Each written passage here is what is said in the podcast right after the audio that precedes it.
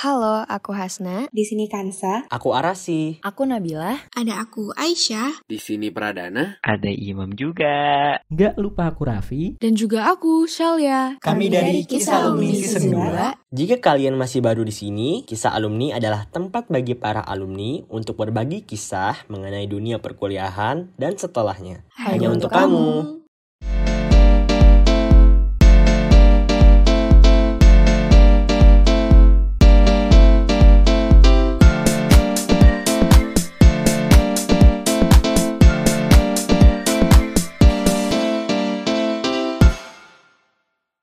Halo semua, Kansa di sini.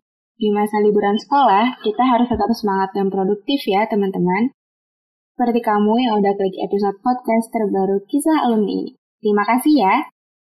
Di episode ke-32 kali ini, kita mengundang seorang dokter muda keren yang sedang menempuh S2-nya di University College London, dengan banyak pengalaman keren lainnya.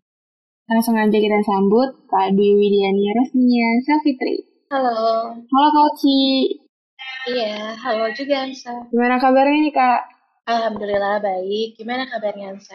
Baik juga dong Kak. Harus tetap semangat ya. Walaupun panas banget ya sih akhir-akhir ini. Iya. Rasanya suka berubah-berubah. Tapi syukur banget kabar baik Kak. Sebelumnya makasih banyak nih ya Kak. Udah luangin waktunya di sela-sela kesibukan buat sharing sama tim dan pendengar kisah lu. Sama-sama, terima kasih juga sudah diundang ya. Makasih ya, sama-sama. Sekarang lagi di Inggris kakak? Uh, sekarang kebetulan lagi summer break, jadi aku ke Indonesia dulu nih. Oh, kalau terakhir kali keadaan di Inggris itu gimana kak? Um, di sana sih sudah kondusif ya, maksudnya kalau dari sisi COVID, dari sisi yang lain semua udah mulai kondusif. Jadi agak surprise juga pas datang ke sini, kasusnya masih banyak dan mungkin akan naik juga kata pemerintah ya di bulan ini. Cuman ya kita harus tetap uh, patuh dengan protokol ya. Betul banget kak. Apalagi kayaknya memang beda penanganannya ya di Inggris dan Indonesia. Sebenarnya mungkin uh, sama aja, cuman bedanya kalau di Inggris itu mereka lebih fokus ke testing jadi semua orang dites dan akses untuk testingnya juga um, lebih mudah dan gratis juga. Kalau di sini kan masih um, masih ada yang berbayar kan kalau untuk tes COVID. Jadi orang-orang masih agak-agak sungkan untuk datang ke fasilitas kesehatan. Jadi mungkin beda penanganannya seperti itu. Cuman kalau dari segi individualnya aku yakin um, kita orang-orang Indonesia juga sama baiknya dalam mematuhi protokol kesehatan. Bener banget, setuju banget kak. Tapi kalau di sana tuh kasusnya udah menurun gitu ya kak? Berarti masih pakai masker apa enggak? Enggak, mereka udah benar-benar bebas. Jadi nggak ada lagi yang pakai masker di dalam maupun di luar ruangan.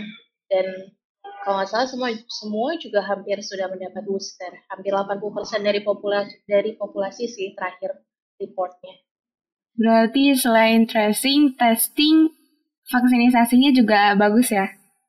Lebih lagi. Ya, testing, tracing, treatmentnya mereka bagus. Hmm, kalau kalau Ci ini sekarang lagi sibuk apa kak? Lagi sibuk tugas kuliah kak? Um, Alhamdulillah sih ini udah tahun terakhir aku di S2. Um, aku udah dalam tahapan akhir disertasi, udah dalam diskusi.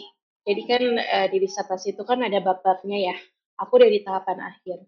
Dan insya Allah um, akhir Juli ini aku udah submit disertasi aku dan setelah itu udah gak ada lagi. Tinggal tunggu uh, pengumuman nilai, tinggal tunggu uh, pengumuman untuk graduasi graduationnya. Wah, mantep banget Oci. Semoga lancar dan dimudahkan menulis disertasinya ya Kak. Amin, terima kasih. Amin, dan semoga semangat dan produktivitasnya Kak Oci juga bisa nular nih ke kita semua. Bener banget gak Kak? Amin insya Allah aku sharing-sharing aja sesuai yang aku bisa. Iya. Mungkin selanjutnya kita bisa lanjut ke sesi sharingnya ya kak. Ya. Kalau Koci sendiri itu S1-nya kan di FK Undip ya kak? Iya. Alasan Koci milih buat FK Undip tuh kenapa kak? Apa udah cita-cita dari kecil atau ada pertimbangan lain? Um, dulu sebenarnya saat awal-awal SMA itu aku belum kepikiran tuh untuk mengambil jurusan kedokteran. Bahkan menjadi dokter aja aku kayaknya belum uh, belum terlintas di pikiran aku. Padahal sejak aku di sekolah dasar, aku itu pernah menjadi dokter kecil. Jadi dokter kecil itu semacam program perwakilan sekolah untuk belajar tentang pertolongan pertama, merawat luka, dan lain-lain. Namun uh, baru sepertinya aku kelas 2 deh saat penjurusan aku mulai berpikiran uh, mau jadi apa nih lalu aku hmm. masuk ke jurusan IPA kan lalu selanjutnya apa aku malah pengen jadi astronot awalnya karena saat itu aku sangat mes dengan uh, planetarium, dengan tata surya, dengan teori kosmik. Hmm. Lalu aku mulai belajar biologi di SMA tentang anatomi manusia, bagaimana jantung bekerja, bagaimana otak mengatur semua fungsi tubuh. Nah, mulai saat itu aku berpikir kayak menarik nih kayaknya belajar medisin gitu. Dan aku rasa menjadi seorang dokter sangat cocok juga maksudnya untuk pribadi aku yang hmm melihat sesuatu itu nggak cuma dari satu perspektif, tapi dari banyak perspektif. Sama halnya dengan ilmu kedokteran. Ilmu kedokteran itu kan tidak hanya melibatkan perspektif ilmu hasil penelitian terkini ya yeah. dalam mendiagnosis penyakit, tapi juga butuh pertimbangan lain, faktor-faktor lain, misalkan mempertimbangkan faktor lifestyle pasien, mental health-nya, ekonominya, dan lain sebagainya. Selanjutnya, aku mulai berpikiran selanjutnya aku milih universitas apa nih untuk uh, untuk FK-nya tapi jujur aja aku waktu itu apply apa pun yang pertama kali dibuka seleksinya. Oh jadi karena di pikiran aku itu sesuai waktunya gitu. Iya jadi apa pun yang pertama um, dibuka seleksinya itu aku daftar.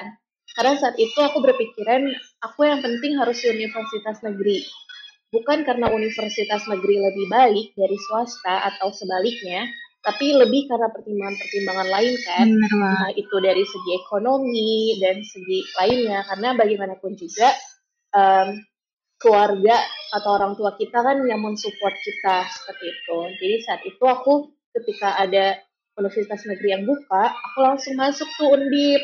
Dia yang buka pertama. Nah, hmm. seleksinya adalah jalur mandiri gitu. Jadi aku daftar, aku tahu tanggal tesnya dan aku tried so hard to get into medicine gitu.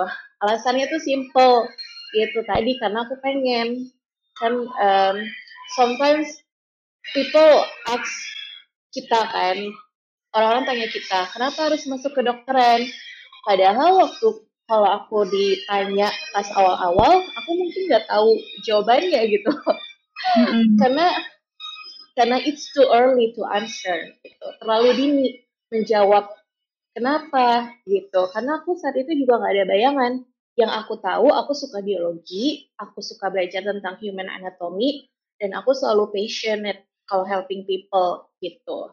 Nah baru setelah masuk ke universitasnya dua atau tiga tahun kemudian aku baru bisa jawab benar-benar bisa jawab the real question why kenapa aku masuk universitas kenapa aku masuk fakultas kedokteran itu. Berarti kalau gitu apa tuh kak alasannya setelah udah masuk univnya dulu? Ya, jadi kan awalnya itu kan aku bilang, um, aku bilang kalau alasan aku itu karena aku suka human anatomy kan, karena ilmunya menarik dan aku juga suka helping people. Dan alhamdulillahnya setelah dua tiga tahun aku di fakultas kedokteran, ternyata reason aku alasan aku untuk masuk kedokteran itu semakin kuat gitu, semakin terbukti kalau ternyata memang ilmunya itu sangat menarik, nggak cuma tentang human biology, atau anatomi, tapi banyak hal yang sangat yang istilahnya sesuatu yang aku jadi kayak wow, aku aja nggak kepikiran kayak gitu. Jadi di satu sisi yang aku suka dari ilmu kedokteran adalah um, ketika aku bertemu pasien, aku nggak bisa selalu um, melakukan sesuatu atau mendiagnosis dari berasal dari sumbernya dari buku. Aku nggak bisa seperti itu. Aku harus cari tahu tentang latar belakang dia, historinya, tentang lifestyle. Aku juga harus tahu tentang faktor apalagi yang mempengaruhi penyakit dia. Misalkan mungkin dia tinggal di tempat yang padat, yang higienitasnya kurang gitu. Jadi menurut aku aku tuh sangat sangat tertarik. Jadi bukan sebagai dokter, aku merasa aku sebagai seorang detektif. Ah. Jadi um, ya itu sih yang bikin aku tertarik dengan ilmu kedokteran. Jadi dari awalnya tuh Kauci milih FK itu mulai dari ketertarikannya dulu ya. Iya. Pilih dari ketertarikannya. Mungkin setelah udah lama belajar, makin waktu jalan, Kauci baru ngerasa enjoy bangetnya gitu. Dan amazed-nya juga. Iya, kenapa aku bilang seperti itu? Karena aku ingin menekankan um, banyak orang yang entah itu masuk ke dokteran atau masuk ke fakultas lain setelah dua atau tiga tahun dia merasa kayaknya ini bukan buat aku atau hmm, aku nggak enjoy tentang ilmu ini itu nggak masalah gitu. Kalau kamu berpindah ke topik lain asal ke bidang lain asal itu menjadi sesuatu yang passion kamu kamu suka interest itu nggak apa-apa kalau kamu di perjalanan kamu harus pindah harus berubah pikiran karena itu adalah um, salah satu bagian dari journey-nya kamu gitu. Bagian dari perjalanan kamu untuk meraih sukses gitu jadi aku ingin menekankan kalau orang nggak akan benar-benar tahu apa yang dia pengen atau dia lakukan ketika dia sudah berkecimpung atau sudah menjalani hal tersebut seperti itu. Berarti perlu banget buat berani nyoba dulu ya kak? Ya, benar banget butuh keberanian dan ya tentu nekat aja nggak nggak nggak harus didahului juga dengan modal pengetahuan juga kan. Jadi sebelumnya udah cari tahu tentang jurusan tersebut, udah cari tahu tentang orang-orang uh, yang menjadi alumni di universitas tersebut, jurusan tersebut gitu. Jadi kalian uh, sebelum masuk juga harus dibekali dengan pengetahuan juga mengenai jurusan yang kamu mau. Benar, setuju banget kak. Tapi waktu Kak Oci di Undip itu, Kak Oci pernah ikut exchange juga kan ke Singapura, Jepang, sama ke Thailand juga ya, semacam seminar gitu kak. Iya. Yeah. Itu gimana ceritanya bisa ikut exchange, Kak? Um, jadi awalnya sih sebenarnya dari um, dari ekstrakurikuler ya, dari organisasi.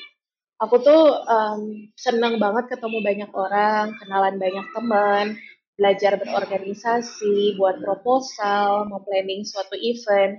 Akhirnya hobi itu berlanjut sampai ke universitas gitu. Jadi di kampus FK aku ikut organisasi namanya AMSA, Asian Medical Student Organization.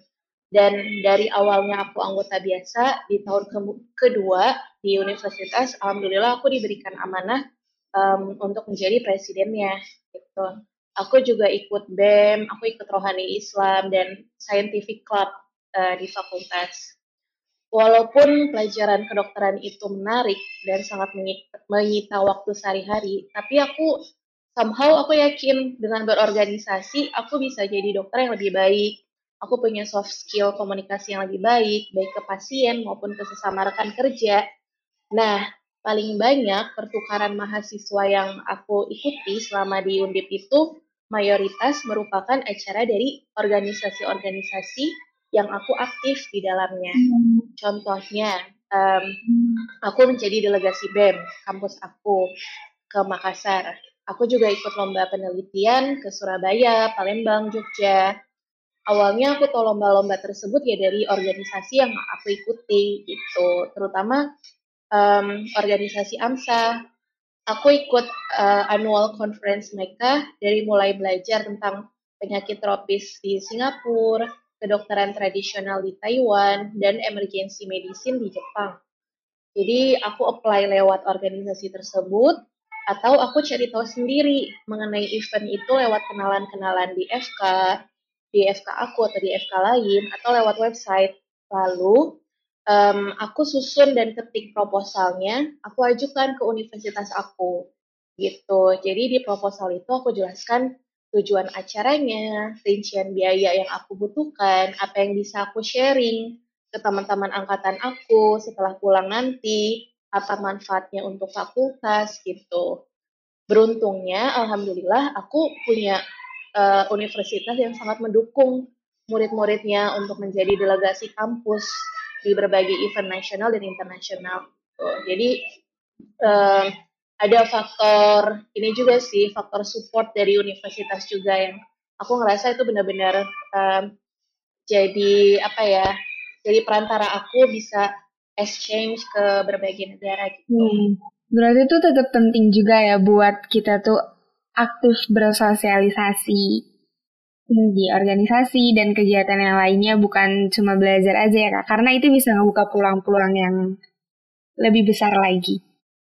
Ya, bener banget. Coba bayangin kalau misalkan kamu kayak habis dari kampus terus langsung pulang ke rumah, gitu kan. Berapa banyak uh, opportunity atau kesempatan yang kamu miss, hmm. gitu kan. Tapi kalau kamu ikut organisasi, kamu ketemu orang baru, kamu menambah networking, kerjasama, entah itu kamu bisa ikut lomba atau ikut seminar, setidaknya kamu dapat informasi baru tentang apa pun gitu. Jadi pikiran kamu lebih terbuka, kesempatan juga lebih banyak datang.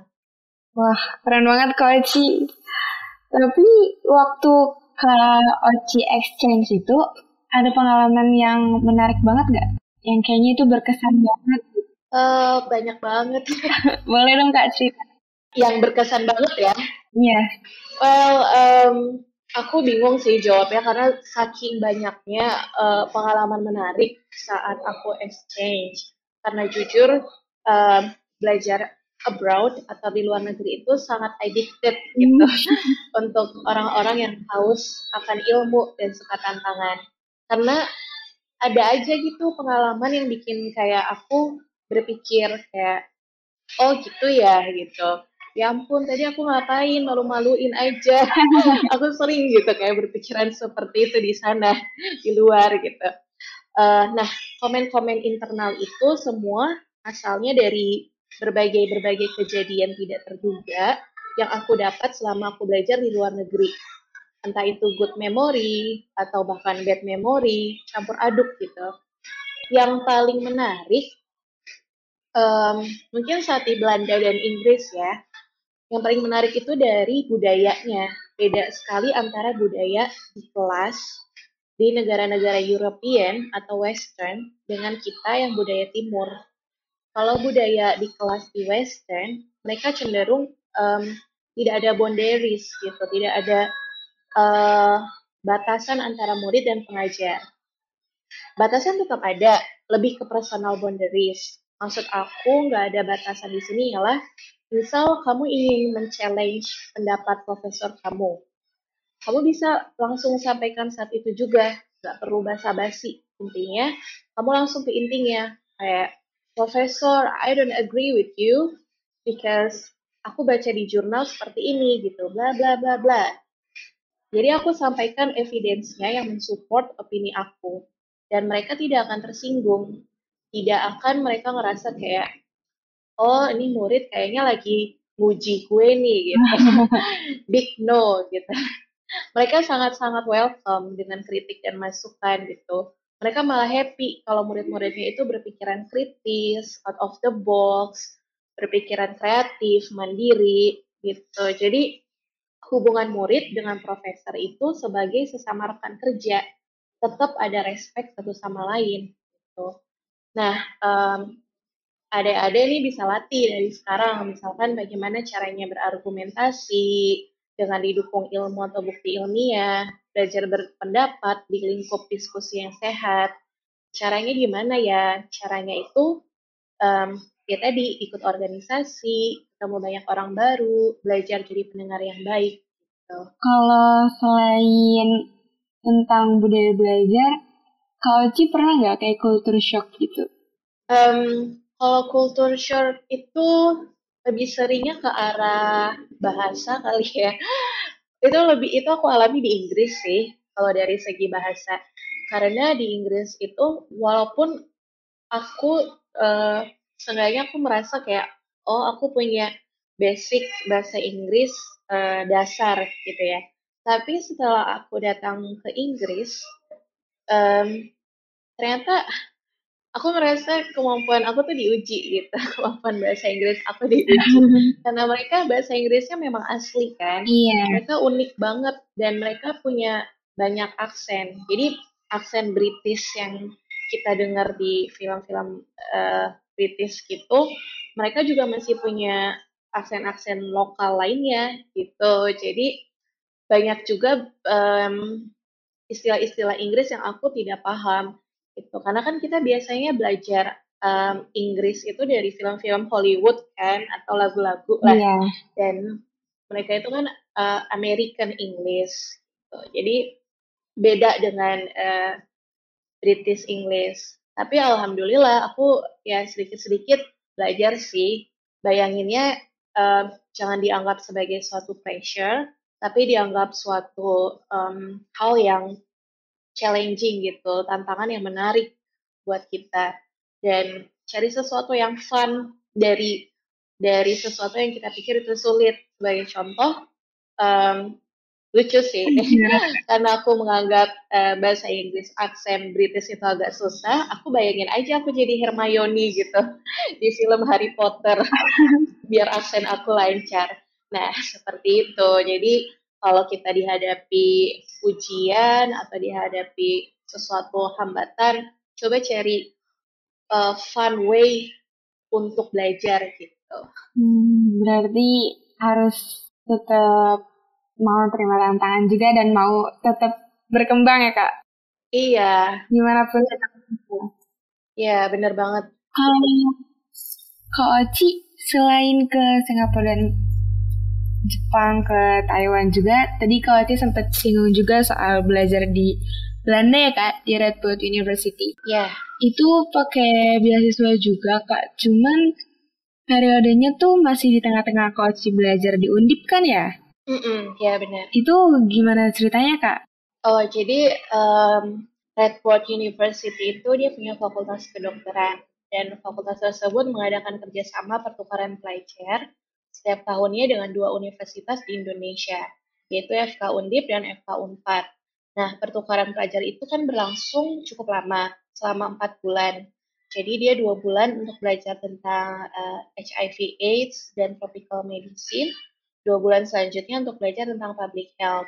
Jadi aku benar-benar gabung di kelas mereka dengan pelajar-pelajar yang mengambil uh, jurusan kedokteran di Radboud University Belanda saat itu aku benar-benar nekat sih karena pelaksanaan beasiswanya itu di tengah-tengah aku koas. Wah. Jadi koas itu jadi koas itu pendidikan profesional di rumah sakit yang aku jalani setelah empat tahun lulus S1 kedokteran. Nah, mm -hmm. lagi masa-masa sibuknya itu kan, plus kalau yeah. aku ikut um, exchange ini, aku beresiko untuk lulus lebih telat setengah tahun sampai dengan satu tahun gitu dibanding teman-teman seangkatan aku gitu. Karena karena kan aku meninggalkan pendidikan aku sementara untuk mengambil uh, pertukaran beasiswa itu kan tuh tapi setelah banyak pertimbangan aku mikir kayak kenapa enggak? Why not? gitu. Aku apply aja dulu saat itu persiapannya menyiapkan CV, motivation letter, dan wawancara uh, dengan profesor bidang infeksi tropis di FK Undip. Nah, alhamdulillah aku kepilih jadi salah satu dari dua delegasi dari Undip. Um, jadi selama exchange itu aku bareng dua teman delegasi dari Unpad. Sampai sekarang mereka jadi sahabat aku dan masih kontak-kontakan juga. Dan hmm. aku juga ketemu banyak teman-teman di Belanda dan kita sering traveling bareng juga gitu. Jadi dari semua pertukaran pelajar yang aku pernah ikuti, ini yang paling berkesan sih, karena pertama aku mengorbankan diri untuk lulus lebih telat, padahal um, fakultas kedokteran itu kan itu sendiri kan uh, kuliahnya udah lama ya. Iya, udah panjang. iya, but aku punya tujuan yang lebih besar gitu dari sekedar telat gitu, bukan sekedar sih. Aku aim for something bigger gitu. Jadi no problem buat aku untuk lulus telat. Yang kedua, um, pertukaran ini pertukaran pertama dengan uh, durasi yang cukup panjang buat aku. Jadi aku benar-benar belajar banyak tentang kedokteran tropis internasional, terus perkenalan dengan penelitian, dan naik sepeda setiap hari universitas seperti orang Belanda pada umumnya gitu. Jadi ya alhamdulillah sih sangat berkesan ketika aku balik, aku kan langsung melanjutkan pendidikan koas aku kan. Jadi aku langsung um, capek-capek lagi.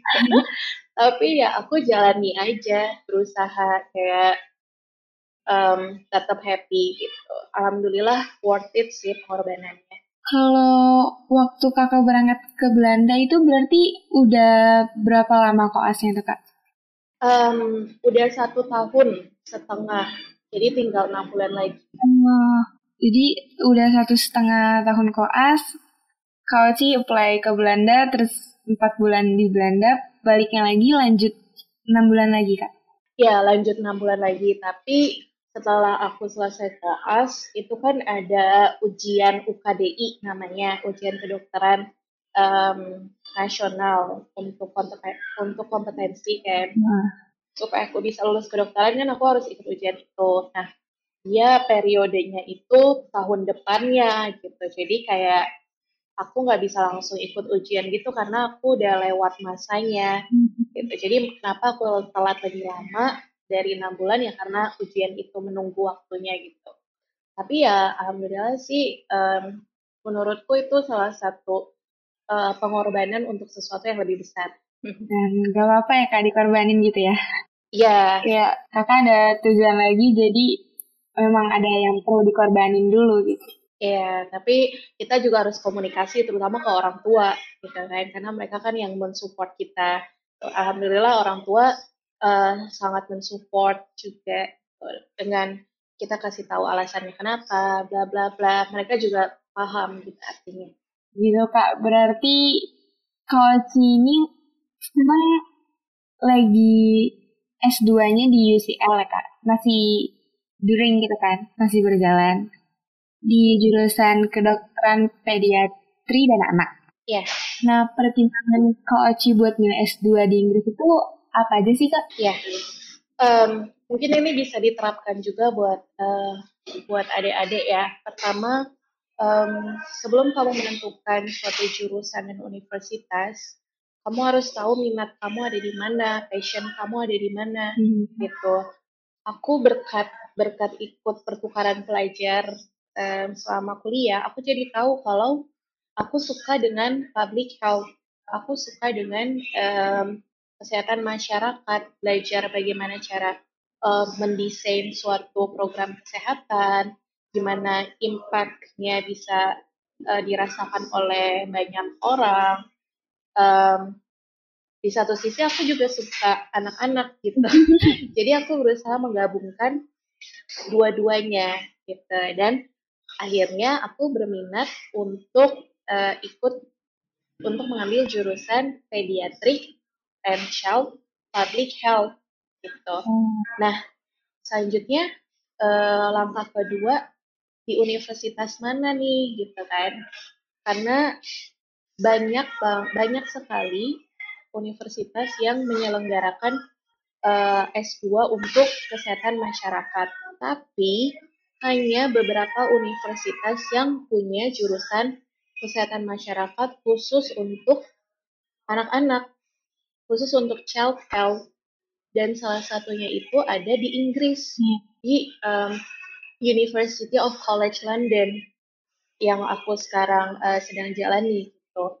Jadi aku sudah scrolling, aku research um, lewat Google, lewat Mbah Google gitu kan, um, jurusan apa aja dan satu-satunya yang fokus uh, public health fokus ke anak ya cuma di situ, cuma di kampus aku ini gitu. Hmm. Nah, um, berarti kan udah tahu ya jurusannya apa, universitasnya apa, negaranya apa. Iya. Nah, yang ke langkah ketiga, how? Gimana caranya aku bisa belajar di sana, ya kan? Apakah harus biaya sendiri, which is impossible gitu. For me ya, buat aku uh, biaya sendiri itu tidak memungkinkan. Maka solusinya ya aku harus kejar beasiswa, ya kan? Beasiswa apa nih yang ke Inggris? Beasiswa ke Inggris tuh ada dua, Dek. Pertama, ada LPDP yang dari uh, Kementerian Keuangan RI, yang kedua um, dari Chevening. Chevening itu dari pemerintah Inggris. Nah, aku lihat persyaratan dua beasiswa itu dan aku lebih cocok ke LPDP karena beasiswa yang kedua yang Chevening itu mereka mensyaratkan untuk uh, punya pengalaman kerja minimal 2 tahun. Padahal saat itu aku baru fresh graduate, belum ada pengalaman kerja 2 tahun gitu. Jadi aku daftar LPDP. Nah, sejak itu aku mulai planning nih, gimana caranya aku bisa memenuhi persyaratan-persyaratan LPDP, cara belajar buat seleksi, dan lain sebagainya. Kalau gitu, sekarang Kak Oci hitungannya udah berapa tahun ya di Inggris? Aku udah satu tahun setengah. Satu tahun setengah, oh lama, lama juga ya Kak? Iya, lama juga. Tapi alhamdulillah sih, um, um, memang di sana itu masternya itu S2-nya itu rata-rata satu tahun. Tapi karena COVID, uh, mereka banyak pertimbangan gitu. Jadi untuk disertasi, uh, mereka juga melihat kondisi studennya. Karena saat itu kebetulan um, saat aku kuliah, aku lagi hamil dan aku melahirkan. Jadi mereka beri aku kesempatan uh, extra additional 6 bulan untuk uh, menyelesaikan disertasi aku. Dan alhamdulillah mereka sangat support karena mereka sangat mementingkan. Di satu sisi mereka sangat uh, kualitas pendidikannya sangat bagus. Di satu sisi mereka juga sangat uh, mempertimbangkan mental health dan well-being dari student ya gitu. Jadi selama aku bisa memenuhi target disertasi aku dan selama aku bisa memberikan yang terbaik, mereka sangat support. Mantap banget itu sampai diperhatikan mental health-nya. Iya, mereka luar biasa sih. Kalau selama di Inggris satu setengah tahun pasti udah banyak banget up and down-nya juga ya kak. Hmm, ya. Yeah. Itu ada nggak kejadian yang gak akan pernah kau lupain? Well, um, itu tadi sih kembali lagi ke support yang banget ya kembali lagi ke support mental health dan well-being itu sih. Aku benar-benar amazed dengan mereka yang um, bukan hanya dari segi profesor ya tapi dari segi universitasnya juga mereka juga menyediakan support uh, psikologis mereka menyedi menyediakan uh, club atau pertemuan untuk para student internasional uh, dari berbagai negara, jadi mereka tidak berasa sendirian, mereka bisa sharing tentang bagaimana caranya adaptasi di kehidupan Inggris, dan mereka bahkan juga menyediakan one one on one konsultasi bagi student yang merasa dirinya um, perlu bimbingan entah itu dari segi uh, pendidikan atau menjalani disertasi maupun mereka yang mengalami masalah untuk adaptasi di Inggris seperti itu dan itu jadi pengalaman yang sangat tidak terlupakan oleh aku karena saat itu aku sudah uh, sudah sangat ngedown karena aku saat itu berada di posisi um, aku hamil dan melahirkan dan aku punya target disertasi dan kemudian mereka mendukung aku beri iya. aku support dan lain sebagainya dan alhamdulillah disertasi aku yang berjudul um, imunisasi selama COVID-19 pandemik itu tuh sangat mereka dukung untuk dipublikasikan menjadi jurnal internasional. Jadi um, mungkin itulah bedanya pendidikan di sana dengan pendidikan di sini, di mana di sini mereka uh, lebih ke arah target-target yang harus dicapai, tapi support untuk uh, hmm. apa ya itu tadi mental health mencapainya ya support mencapainya mental health dan well-beingnya dan uh, bantuan lainnya untuk student itu masih kurang gitu semoga aja ke depan um, di Indonesia pendidikannya lebih memperhatikan soal tersebut amin setuju banget kak buat buat siswa-siswinya, buat mahasiswa-mahasiswinya juga. Iya, benar. Kalau gitu boleh dong Kak dibahas juga perbedaan kedokteran di Indonesia, di Belanda sama di Inggris. Um, semua tuh masing-masing ada menariknya ya. Kalau Inggris itu dia lebih ke research dan lebih ke etik, juga komunikasi antara uh, pasien dengan tenaga kesehatan. Um, mereka itu tadi, jadi karena mental health itu jadi prioritas nomor satu pemerintah di sana, um, mereka juga mementingkan sisi tersebut dari pasien maupun dokter dan tenaga kesehatan lain. Jadi di sana ilmu kedokterannya dari sisi humanisnya, humanisnya itu lebih kuat gitu. Jadi belajar di sana itu cocok untuk mereka yang suka public health, terus mereka yang uh, suka good practice dalam medicine, kedokteran keluarga, belajar di Inggris tuh cocok banget untuk itu. Nah, kalau di Belanda, dia juga strong research-nya, penelitiannya juga strong. Tapi dia lebih ke praktikal, lebih ke mencari inovasi, inovasi dalam uh, teknologi kedokteran. Nah, Belanda itu lebih cocok untuk mereka yang research-nya, yang mereka lebih suka research-nya itu penelitiannya ke basic, basic dalam ilmu kedokteran, misalkan mikrobiologi, uh, biochemical, dasar-dasar dalam terapi medis. Kalau um, di Indonesia, nah Indonesia lebih unik nih. Gimana kak? Karena kita sangat uh, kita sangat humanis, humanis pendekatannya sangat apa ya, sangat artsy gitu. Karena kita tidak bisa mengandalkan dengan buku aja. Jadi dalam mendiagnosis pasien di Indonesia kita nggak lihat dari satu perspektif, kita lihat uh, kita harus mempertimbangkan dari segi sosial ekonomi pasien dan keluarga. Juga di Indonesia kan kepercayaan um, daerah atau budaya lokalnya itu kan juga sangat kuat kan. Itu bisa mempengaruhi seorang pasien dalam mencari um, pengobatan gitu pengaruh tokoh masyarakat juga, kepercayaan di daerah. Jadi di Indonesia itu kita penanganan kedokterannya tuh lebih lengkap, lebih komprehensif gitu, which is good karena um, itu sesuatu yang um, poin plus kita dibandingkan ilmu kedokteran di negara-negara Western. Gitu. Jadi um, ketiga negara tersebut, Indonesia, Belanda, Inggris semua sama-sama menarik dan sama-sama menantang sih. Tinggal um, tinggal apa yang menjadi minat kita, apa yang menjadi passion kita, begitu.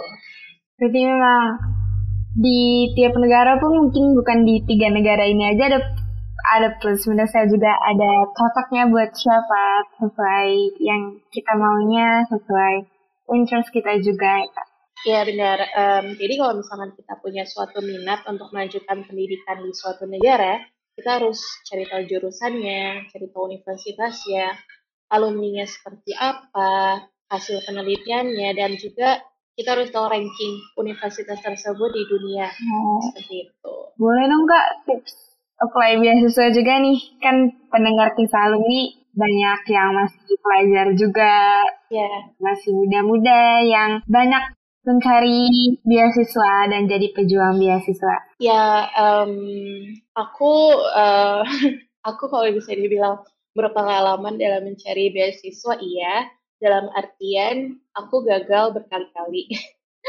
dan um, tapi sebagai contoh ya di LPDP ini aku gagal dua kali. Aku gagal di tahun 2017 dan di tahun 2018 Nah, di tahun 2008, 2019, alhamdulillah aku lulus gitu. Jadi, um, jadi aku coba belajar kesalahan aku dari seleksi di pertama dan seleksi kedua tahun kedua. Uh, walaupun tentu ada masa sedihnya, eh, nggak uh, apa-apa, biarkan emosi kita keluar, kita having fun, tapi ya jangan berlarut-larut gitu, karena ingat yang bisa mengubah masa depan kita itu ya kita sendiri, bukan bukan ayah kita, ibu, kakak, suami, istri, bukan Benar. siapa pun, hanya kita gitu kan. Nah, kalau tips untuk apply beasiswa, um, pertama kamu cari kit, kamu harus cari tahu dulu beasiswa apa saja sih yang tersedia. Kalau kamu di um, SMA saat ini, maka kamu cari beasiswa yang tersedia untuk um, S1, ya kan? Kalau kamu ada di S1 saat ini, kamu cari beasiswa yang tersedia dari di S2 itu. Nah, carinya mulai kapan? Carinya mulai dari sedini mungkin gitu. Dari saat ini juga udah mulai cari walaupun um, kamu masih lulus misalnya masih dua tahun lagi atau tiga tahun lagi.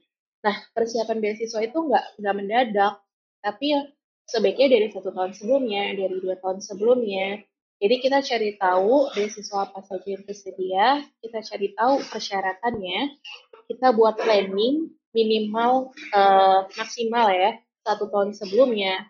Dan planning itu harus terukur gitu, harus ada targetnya, harus ada time-nya, timing-nya, dan harus jelas langkah-langkah apa untuk mencapai target tersebut gitu. Jadi uh, persiapannya juga harus komprehensif gitu, harus dimulai dari lama dengan cara meng, uh, ikut tadi seperti misalkan mencari organisasi, ikut dan berpartisipasi di dalamnya, ikut lomba-lomba, ikut seminar untuk menambah uh, portofolio atau menambah CV kalian gitu. Dan hari H persiapan tes itu juga sangat-sangat penting. Karena apa? Um, berdasarkan pengalaman aku di LPDP, seleksi pertama aku gagal di tes wawancara. Karena di saat wawancara itu aku mungkin kurang kurang ini kali ya, kurang research tentang apa yang ditanyakan di wawancara tersebut gitu dan juga saat di saat wawancara itu aku overconfident hmm. di hadapan uh, jurinya Padahal sebagai seorang calon beasiswa yang mewakili negara, kita tuh harus humble, ya kan? Mm, benar. Karena pengetahuan itu tuh um, sangat cepat berubah, gitu kan? Ilmu kedokteran tuh sangat cepat berubah. Jadi siapa kita yang super confident, padahal um, kita baru masuk ke dunia S2, kita baru masuk ke dunia research, gitu. Jadi jadi itu yang sangat uh, apa ya istilahnya sangat bikin aku menyadari bahwa aku tuh bukan siapa-siapa istilahnya aku harus terus mencari pengalaman terus belajar gitu terus di seleksi kedua aku gagal karena um, aku gagal di TPA TPA itu tes potensi akademik. Aku kurang belajar aku kurang persiapan. Karena aku sudah sangat yakin kalau um, ah kayaknya belajar satu minggu cukup.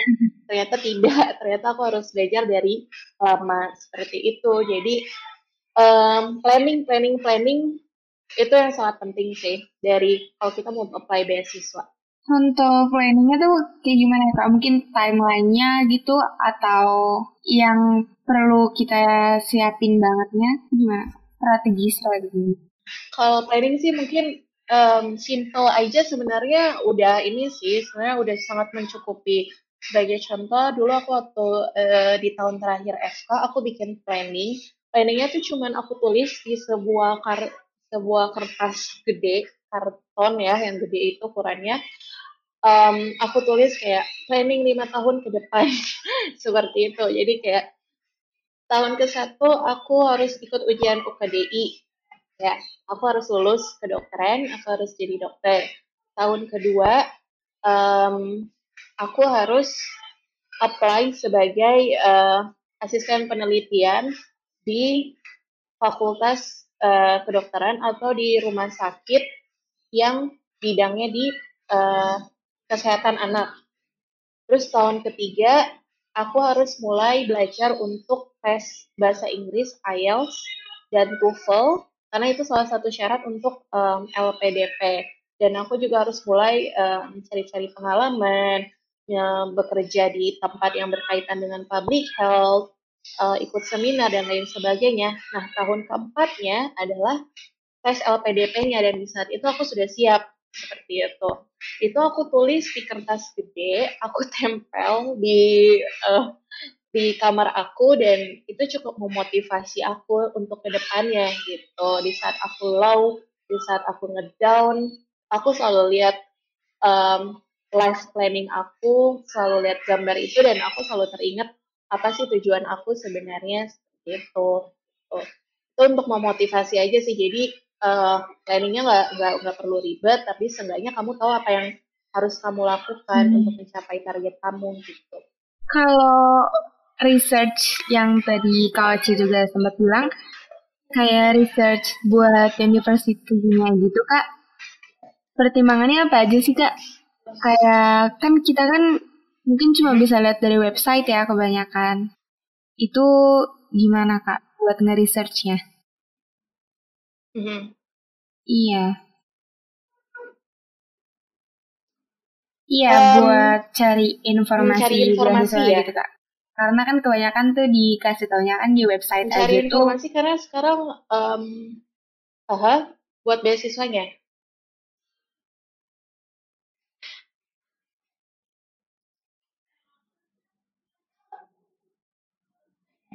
Hmm.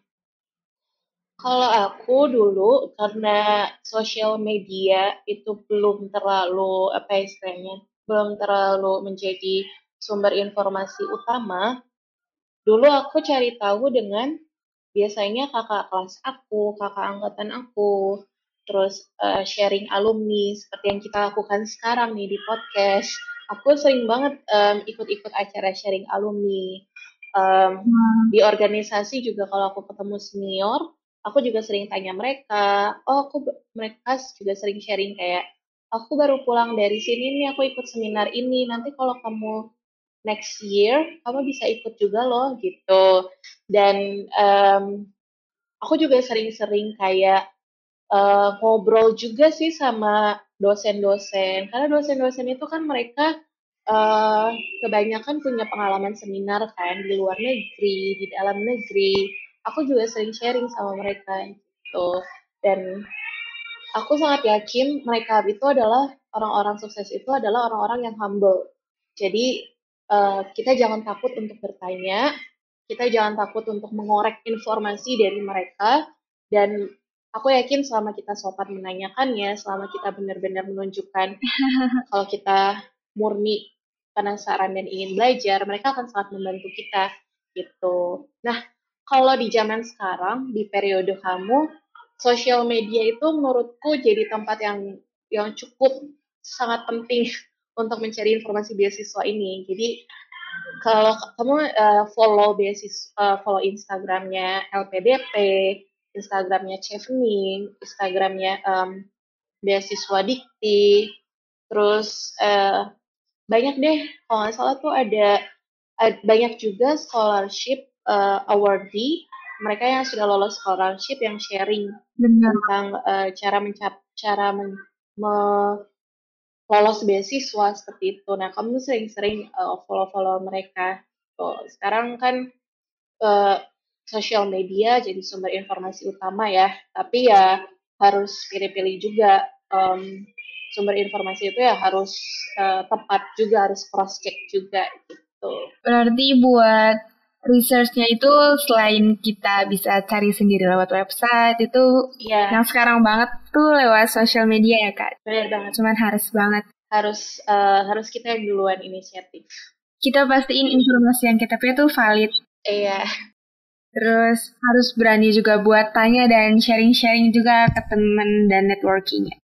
Harus semangat carinya ya kak. ya kalau pengen sesuatu kita harus semangat. Kalau kita udah passion, um, insya Allah aku yakin kalian uh, cari taunya juga dengan happy gitu, tanpa pressure.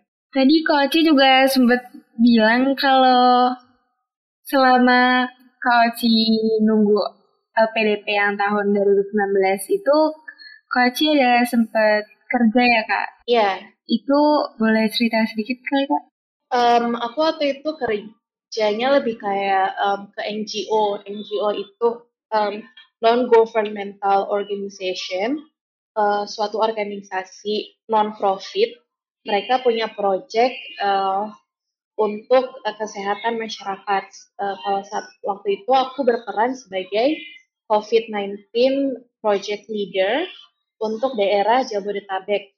Dan saat itu aku, organisasi aku, tempat kerja aku mendapat dana dari uh, pemerintah Amerika, dari USAID, uh, di mana dana itu harus diwujudkan dalam bentuk suatu program uh, pencegahan dan juga untuk tracing COVID-19 di Jabodetabek seperti itu. Dan jujur, saat itu aku belum ada pengalaman bekerja di NGO. Kemudian aku pertama kali bekerja di NGO dan langsung menjadi project leader.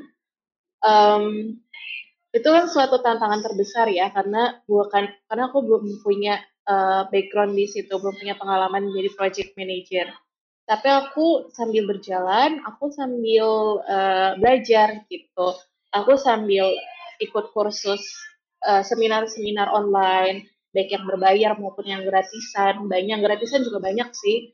Uh, tentang bagaimana untuk memanage suatu project, bagaimana um, COVID-19 di Indonesia tata laksananya, itu banyak sekali sumbernya bertebaran di websitenya WHO, di websitenya Kemenkes. Nah, aku sambil belajar, sambil bekerja gitu, dan sambil mengabdi. Dan dan alhamdulillah sih um, dari proyek tersebut kita men-tracing hampir 4.000 kalau nggak salah, 4.000 lebih kontak COVID-19 dan juga berhasil mentesting hampir 50% dari angka 4.000 tersebut. Selain itu juga um, organisasi aku juga berhasil um, membuat suatu video bagaimana caranya men-tracing. Jadi video edukasi gitu untuk uh, para kontak tracer COVID-19 di Jabodetabek dan juga kita merekrut sekitar 80 relawan uh, untuk menjadi kontak tracer. Jadi uh, bagi aku sambil menunggu LPDP, sambil istilahnya aku belajar, uh, belajar, belajar, belajar, aku juga ingin berkontribusi untuk Indonesia setidaknya sebelum aku berangkat keluar dan um, alhamdulillah menjadi project leader itu menjadi salah satu bentuk kontribusi aku. Tuh. Wow, keren banget kau Ci. Inspiratif banget. Terima kasih. Itu kalau boleh tahu proyeknya berapa lama ya? Cukup lama, 6 bulan. Kalau nggak salah dari Juli uh, 2020 sampai Januari 2021. Oh, itu pas lagi tinggi-tingginya banget ya, Kak?